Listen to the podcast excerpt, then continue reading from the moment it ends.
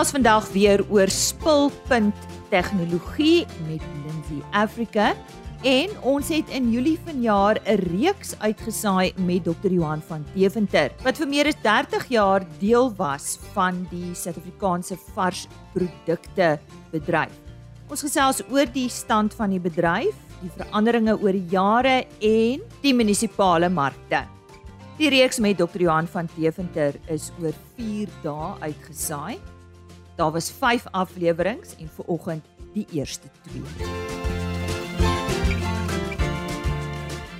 As jy vir die eerste keer inskakel vir RSG Landbou, goeiemôre. My naam is Lise Roberts en RSG Landbou van my kant af word maandag tot donderdag vanaf 5 tot 5:30 soggens uitgesaai. Die varsprodukte bedryf speel 'n kardinale rol in die landbouwaardeketting. Markte wat landbouprodukte verkoop, is al duisende jare by die mensdom. Die varsprodukte markte in Suid-Afrika het 'n geskiedenis wat dateer uit die vroeë setlaars in die Kaap. Hulle het mettertyd aangepas en verander, maar die fundamentele rede vir hul bestaan het nog nooit verander nie. Dit wil sê waar vraag en aanbod voldoen om 'n waarde vir 'n produk te vestig sodat 'n verkoop gedoen kan word. Dan het ons die kleiner rolspelers gehad. Ek kan onthou hoe my ouma se groenteman weekliks voor haar deur gestop het. Sy het uitgestap met haar mandjie en gekoop wat sy vir die week benodig. En so is daar baie stories om te vertel oor die koop en die verkoop van varsprodukte in Suid-Afrika. Ons fokus hierdie week op RC Landbou op die varsprodukte bedryf saam met Dr Johan van Deventer. 'n man wat al meer as 30 jaar deel is van hierdie bedryf. Voormalige hoof van Freshmark wat die verkrygingsarm van die Checkers Shoprite groep is vir bykans 3000 winkels in Suid-Afrika en 14 ander Afrika lande. Hy was ook voorheen adjunkdirekteur by die Johannesburgse varsprodukte mark. Goeiemôre Lisa en ons luisteraars baie dankie vir die voorreg om iets te sê oor die varsprodukte markte en die bedryf. Ons is nou nie altyd so in die kalklig nie, maar uh, kom ons probeer ons bes. Ehm uh, ons gaan 'n bietjie breër ook gesels oor die stand in die varsprodukte bedryf in Suid-Afrika en ons praat natuurlik maar hoofsaaklik oor bemarking en van groente en vrugte. In hierdie eerste praatjie so 'n bietjie oor die geskiedenis van markte en waar kom dit vandaan? En uh, ek was nogal uh, gierig om te leer oor ekonomiese geskiedenis en uh, ek onthou nog mooi dat selfs in die ou wêreldgeskiedenis en voor die industriële revolusie is markte reeds opgeteken. En dit is die plek waar daar gehandel is met produkte en dit was selfs nog voor geld bestaan het. Uh, dit is ongelooflik as mens so daaroor dink dat daar nie iets soos geld was nie. En dit was suiwer die uitruil van produkte my aardappels vir jou twee hoenders en dit het alles daar op die dorpsplein of in die stadsplein plaasgevind en geen wonder in Suid-Afrika baie dorpe het nog steeds 'n plein straat en ek wonder of ons nou al gedink het waar kom dit vandaan. Ehm uh, en dit het so oor 'n naweek plaasgevind en ek dink dit was baie prettig jou twee hoenders vir my een sakkie aardappels uh of so iets en dit was glo prettig en uh, baie huweliksmaats is dan ook ontmoet op die mark. So die dit het baie gestrek as groente en vrugte. Nou die beginsel hier ter sprake om suksesvol te wees, uh bedoelende om pryse te bepaal, moet daar baie aanbieders wees en daar moet baie kopers wees. En dit word ook so gemeld deur Adam Smith in sy boek Wealth of Nations. Uh so jy het of die vrye mark wat ons gelukkig in Suid-Afrika het op ons markte of jy het regulering uh wat daar was in die in die ou dae toe ons nog die baie bemarkingsrade gehad het. Nou ons het 'n uh, ons is 'n hele end verder in die pad af. En gelukkig ons varsprodukte markte was nooit onder enige wetlike prysmaking of prysvorming nie. Dit was vraag en aanbod en vraag en aanbod en dit het die prys gemaak. Ehm um, ja, as mens nou sê uh jou twee hoenders vir my sakkie aardappels dan wonder 'n mens met die nuutste dieselpryse is dit seker amper twee skape om een uh tank diesel te maak vir jou bakkie en dan moet dit ook maar nog nog 'n klein bakkie amper wees. Nou, nou ja, varsvoer varsprodukte markte sou ontstaan wêreldwyd is ook hier in Suid-Afrika maar soortgelyk. Uh dit is maar presies dieselfde. Die beginsels is dieselfde. Johan, in die begin het die markte heelwat verskil van dit wat ons vandag ken. Hier by ons eerstens het die boere maar self, ek het nou die dag die geskiedenis van die ou Johannesburg mark uh, hier iewers raak gelees. Het die boere self ingekom dorp toe uh stad toe Johannesburg toe met die vreeslike myne wat daar was en hulle het self hulle produk kom verkoop op 'n area wat die stadsraad vir hulle toegestaan het en dan het die verbruikers en die hotelle en wie ever uh, in die bedryf is dit kom uitsoek en daar's gekabbel oor die pryse en daar's gekoop en daar's gekuier. Nou die band tussen die verbruiker en die produsent hier was baie nou en hulle het mekaar geken en dit is iets wat handelsmerke toe nou later sou vervang. Dinge het egter ontwikkel. Ehm um, en tyd het 'n kwessie geword vir almal. Die boer wil boer en het nie meer die tyd gehad om self nou met die trok in te ry dorp toe om sy produkte gaan verkoop nie.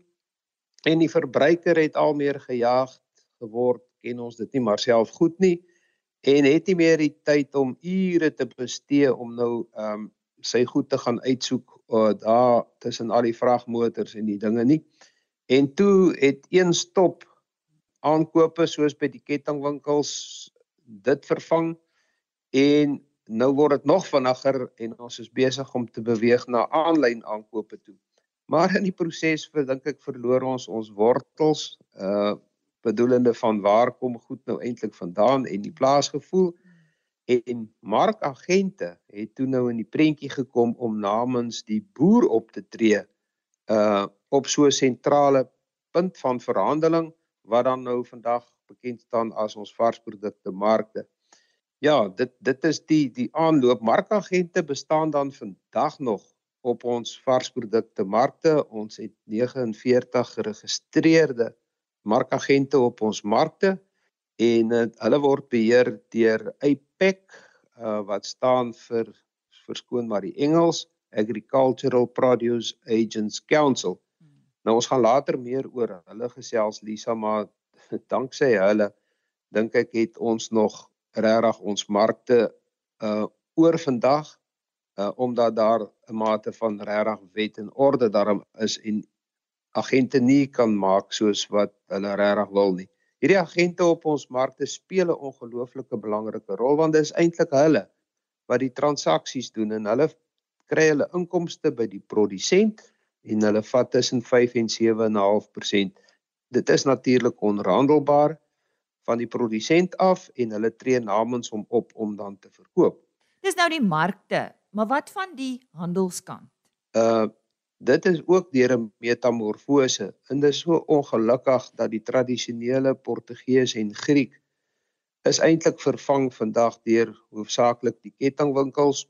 Ek dink die Portugees en die Griek was 'n baie persoonlike verhouding waar daar was, weer eens tussen daar waar jy dit aangekoop het, ek onthou maar my kinderdae, jou ouma en jou oupa en almal by die naam geken. en kettingwinkels vandag het dit vervang en dit is dink ek baie keer uh onpersoonlik.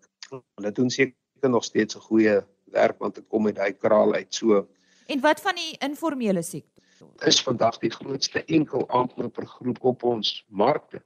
En dan het ons die kettingwinkels wat ons nou genoem het en die verkies om nie op die mark te koop nie uh en ons gaan later die redes daarvoor gee in 'n in 'n apart praatjie op sy eie. So ek kan vandag afsluit deur te sê dit wat ek nou alles gesê het maak tog of het tot gevolg dat die kragte van vraag en aanbod op ons markte steeds daar is en selfs in die bedryf weier as net die markte. En dit bepaal elke dag nog steeds die prys van die produk en dis tog vir die produsent en die koper baie belangrik. Die een moet handel dryf en die ander een moet besluit om plant of om nie te plant nie. Dit het tot gevolg dat te veel van 'n produk 'n laer prys tot gevolg het en dan as daar minder produkte is 'n hoër prys en dit is onmiddellik. Dit is 'n vinnige stelsel wat die syne op dieselfde dag amper per uur deurstuur na albei kante toe. En dit maak van dit 'n ek dink nog steeds 'n effektiewe stelsel in in Suid-Afrika en ek het al genoem dat my voetspore ook weier lê hier bo op in in Afrika. En 'n mens het net nie dieselfde gerief in die in die bedryf as wat ons nog in Suid-Afrika het weens al hierdie rolspelers uh, wat ons het op die markte nie. Johan baie dankie. Ons gaan weer met jou gesels. Waaroor gesels ons volgende keer? Die volgende keer Lisa gesels ons oor die twee hoofkanale waar langs varsprodukte beweeg um vanaf produsent tot in die handel en dan op die ou end tot by mevrou huisvrou.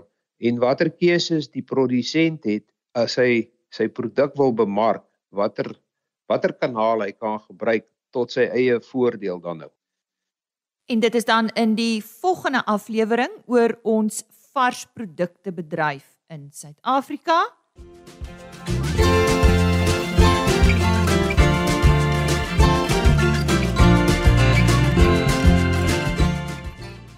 Ja, ons gesels nou volgende met Lindsay Africa en onder meer met hulle streekbestuurder vir Sub-Sahara Afrika, Gerry Wiese.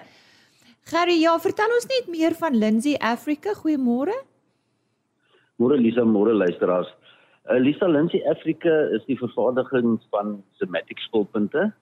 Lindsay het ook 'n moedermaatskappy wat die waar die fabriek begin het jare terug in in in uh, Nebraska. Ehm um, ander uh, fabrieke is in Frankryk, Turkye, ons nuutste fabriek is die een in Sulama, Turkye. Ehm um, dan die een in Kaapstad, soos jy weet, Brasilië het 'n fabriek en dan ook een in China. Ehm um, wat Dematic aanbetref, dis 'n baie modulêre spulpunt. Die spulpunt is al ouer as 50 jaar. Die oudste spulpunt van Dematic in Suid-Afrika is 44 jaar oud. LMA staan vir Lindsay Manufacturing Africa. Ons is geleë in Bellville in die Kaap en soos jy reeds weet kyk ons na Sub-Sahara Afrika. Uh, ons het uh, baie voorraad, um, ons het die beste leidtyd in die mark op hierdie stadium en ons voer ook uit na Nieu-Seeland en na Australië. Jy het verwys na Zematic en gesê hoe oud hulle al is. Jo, dit is 'n hele paar jaar. Maar wat doen Zematic wat so uniek is? Ehm um, dis ons is voor op die gebied van tegnologie. As jy kyk na die FieldNet en die pivot control wat ons ons dienste aanbied al die spulpuntmaatskappye in die in die wêreld um, handel maar in staal, koop staal aanbou spulpunte, galvaniseer dit en stuur dit uit. Wat die wat die Zematic spulpunt uniek maak is die beheerkaste, die die panele wat ons op hom gebruik.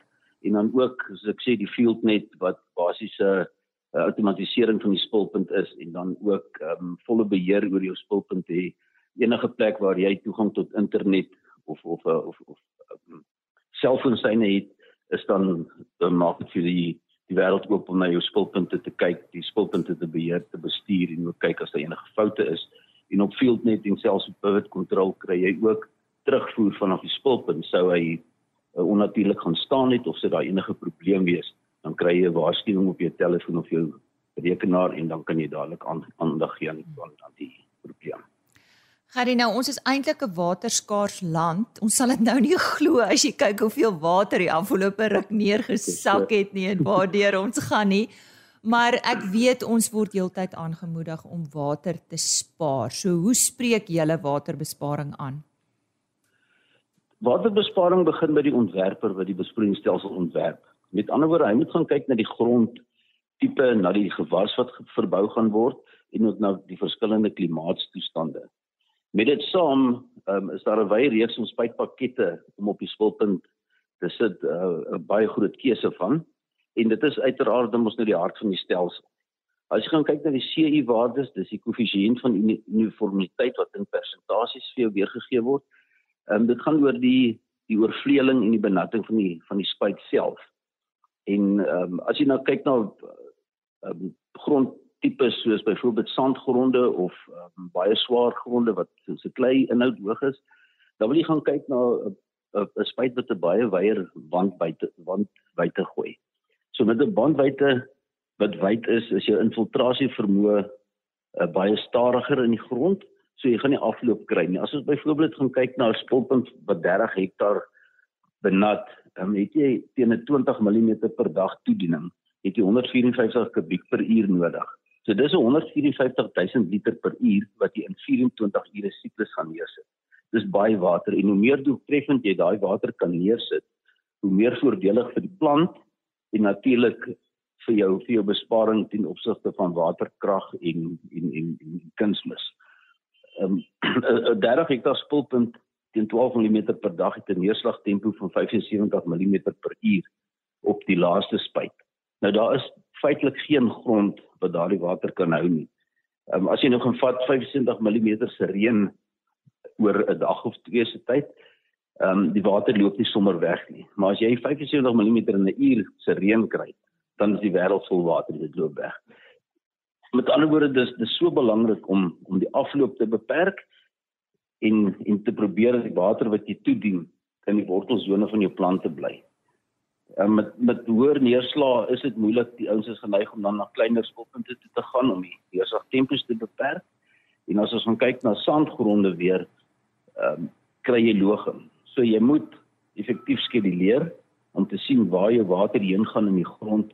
Jou water moet beskikbaar wees die hele tyd vir die plant en as jy onder jou wortelsone begin nat maak, verloor jy die water. En is nie net water nie, dis dis kunsmis wat loog mm. en hoe meer water jy neersit, hoe meer energie en hoe hoër gaan jou elektrisiteitsrekening wees.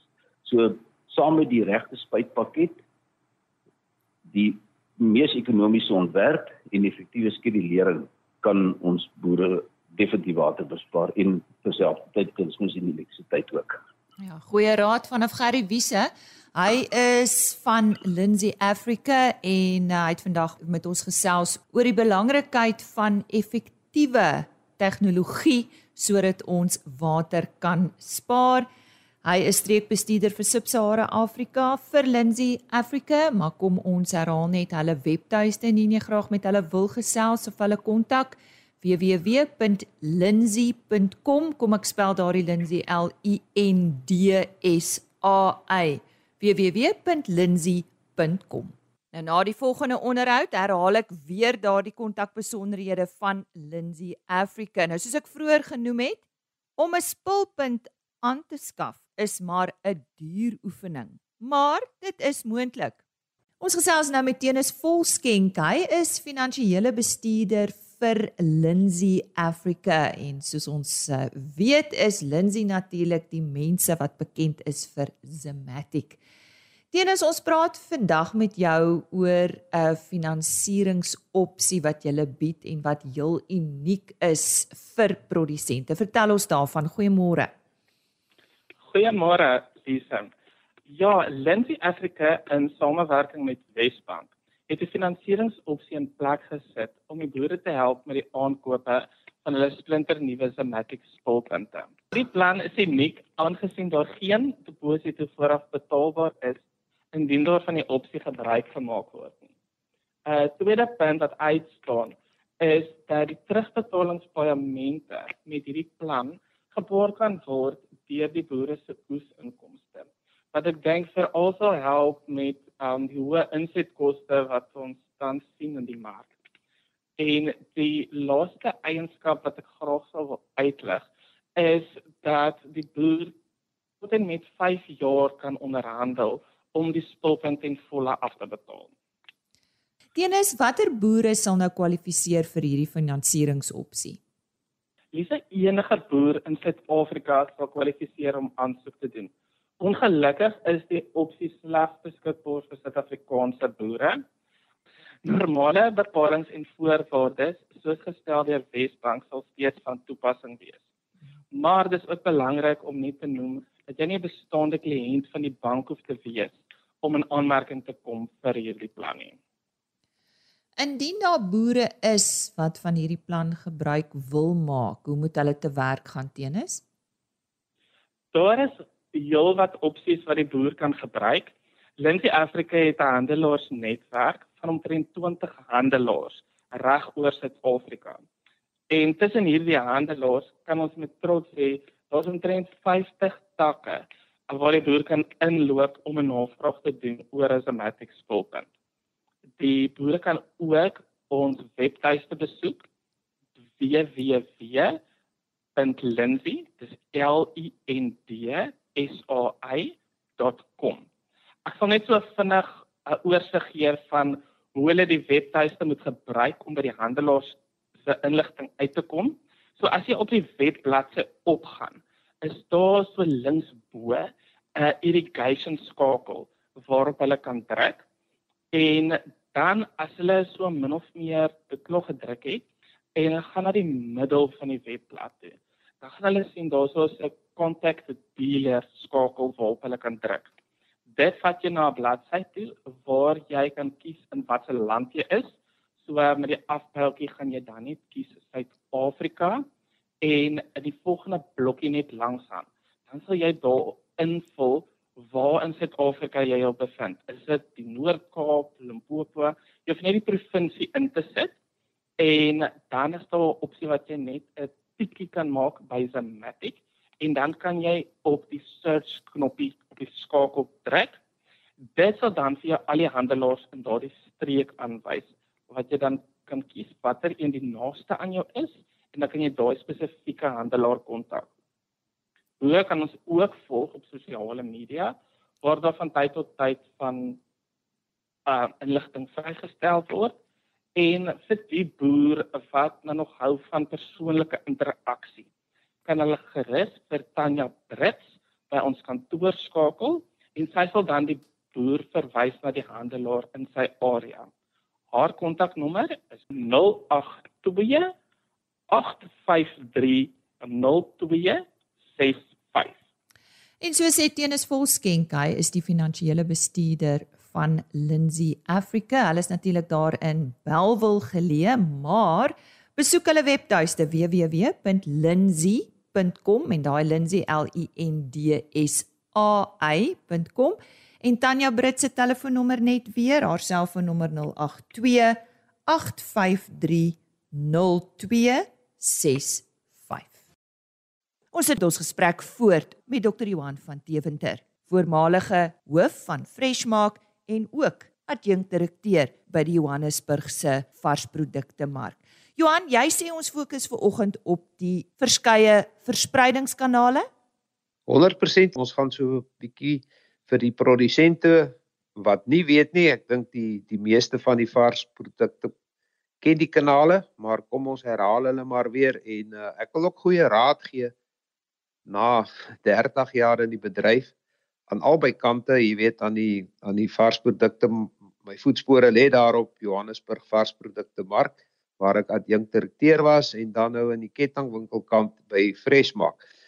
So die twee kanale uh, wat produk vat vanaf die plaashek tot by uh, die verbruiker gaan ons oor gesels. Die een is deur die varsprodukte markte wat ons in die vorige praatjie oor gesels het. Daar is nog 22 van hulle, ehm uh, waarvan die oorgrootste meerderheid van die markte en ook die grootste histories munisipale markte is. Dis markte soos Johannesburg, Pretoria, Kaapstad en Durban, ek het net die grootstes genoem. Maar daar is reeds besig om privaat markte ook te ontstaan en ons het voorbeelde soos op Moketsi en op Polokwane wat ook suksesvol is en ons is dankbaar daaroor. Daar's plek in die son vir almal en die varsprodukte bedryf het hom nog altyd daartoe geleen om in die vrye mark te kan speel. Ehm um, en ek dink dit is wat die krag van die stelsel en die hele bedryf is nog steeds gebaseer op dit en dit is eintlik 'n wonderlike bedryf as ek baie keer oor die draad kyk na ander bedrywe wat nie hierdie voorreg het nie. Johan, wat is die omset van ons varsprodukte markte? Nou die omset as ons by hulle begin as kanaal nommer 1 is tans in die omgewing van 21 miljard. Nou dit is groot geld, 21000 miljoen rand per jaar of terwyl 67 miljoen rand per dag. Jy weet, ek kom van Kolinie af. Ek moet altyd die goed 'n bietjie afbreek, dan maak dit vir my sin. die groot syfers uh, maak 'n mens dronk. Johannesburg mark se omset trek by 8.7 miljard per jaar. Uit hierdie syfers is dit duidelik dat die markte 'n onmisbare rol speel in die distribusie van varsprodukte in Suid-Afrika, maar ook na verskeie van die ander Afrika lande. As jy my eie geskiedenis vat nou uh hoeveel produkte het ons aangery na die ander lande toe in Afrika van Suid-Afrika af, dan is dit van om groot van omvang. So ons is amper 'n kosmandjie uh vir Afrika natuurlik na die noordelike kant toe. En uh dit is veral waar ons marke 'n groot rol speel na die res van Afrika as dit kom by produkte soos appels, pere, sagte vrugte, druiwe, tropiese en subtropiese produkte, maar dan ook met tye, aardappels, eie en ander van die groot uh produkte. Nou die Buketsi mark is hier 'n tipiese voorbeeld naby aan die grens van Zimbabwe wat se produk grootliks oor die grense beweeg op boontoe. So hoeveel persent van ons varsprodukte wat geproduseer word gaan deur ons markte? Nou 'n geskatte syfer dui daarop dat sowat 60% van alle varsprodukte wat geproduseer is in Suid-Afrika en wat bestem is vir die binnelandse varsmark gaan nog deur ons varsprodukte markte. So ons gaan later praat dat daar bekommernis is oor ons markte. Uh maar hulle is nog steeds 'n groot krag. Uh en daarom wil ons so hard beklei dat hulle nie uh agteruit moet gaan nie. Nou die res is die produk wat direk bemark word vanaf die plaas soos aan kettingwinkels, soos aan onafhanklike groothandelaars en die informele bakkie wat op die plase opdaag met hulle bakkies en lorrietjies. Hulle uh is ook 'n faktor en nou hierdie is die keuses van 'n van 'n produsent aan wie wil hy bemark. Ek wil eers teruggaan na die grootste markte is histories nog in munisipale besit en dan het ons dan nou die uh privaat markte. En onthou die werklike handel geskied deur die markagente op ons markte en die manne wat ons sê direk aankoop by die boere is dan nou kettingwinkels. Ons ken hulle, dit is die Shoprite's en die Pick n Pay's en die Sparre en die Woolworths en hulle doen meeste hulle aankope uh direk van die produsente af en nie by die markte nie. Daar's 'n lang reis van redes uh daarvoor, maar ek dink dit regverdig 'n ander praatjie en dan sit ons dan die fokus op dit. So, wat volgens jou is die beter kanaal om te gebruik? Ja, Lisa, daar's groot redenasies oor wat is nou die beste? Is dit deur die mark of is dit deur 'n kettingwinkel? Nou my ervaring is dat dit 'n en is en nie 'n of is nie. Die meeste van ons mega produsente vandag sal ook so getuig. Hulle bemark deur die markte wat dan nou die agente is en dan sal hulle ook aan die kettingwinkels bemark. Hulle soek hulle uit watter een pas by uh sy tipe van operasie, sy produk, sy manier van sake doen en dieselfde geld na die uh markagent kant toe en op die manier neem hy sy besluit, sy bemarkingsbesluit en ek is nou 'n wil ek sê een wat pleit dat ons produsente meer mikrobemarking moet doen. Hulle doen reeds mikroproduksie. Hulle gee ongelooflike tyd en aandag en geld word bestee aan mikroproduksie. Maar ek is nie altyd oortuig dat ons so die mikrobemarking doen nie en dat ons regtig speel vir maksimum opbrengs tussen al die kanale wat ons het uh om na toe te bemark nie. Dankie Johan, waaroor gesels ons volgende keer? Ons gaan gaan gesels oor ons varsprodukte bedryf, die markte, markagente, kettingwinkels en wat bekommer ons dalk? Waarop moet ons verbeter? En dis dan môreoggend op RSG Landbou wanneer ons verder gesels met Dr. Johan van Teventer. Ons herhaal ook 'n onderhoud wat ons vroeër uitgesaai het met Andrei Brink wat vanjaar aangewys is as die Syngenta Graan SA graanprodusent van die jaar. Ek sien uit om dan weer saam met jou te kuier tot uh, môreoggend selfde tyd, 5uur. Totsiens. RSG Landbou is 'n plaas media produksie met regisseur en aanbieder Lize Roberts en tegniese ondersteuning deur Jolande Rooi.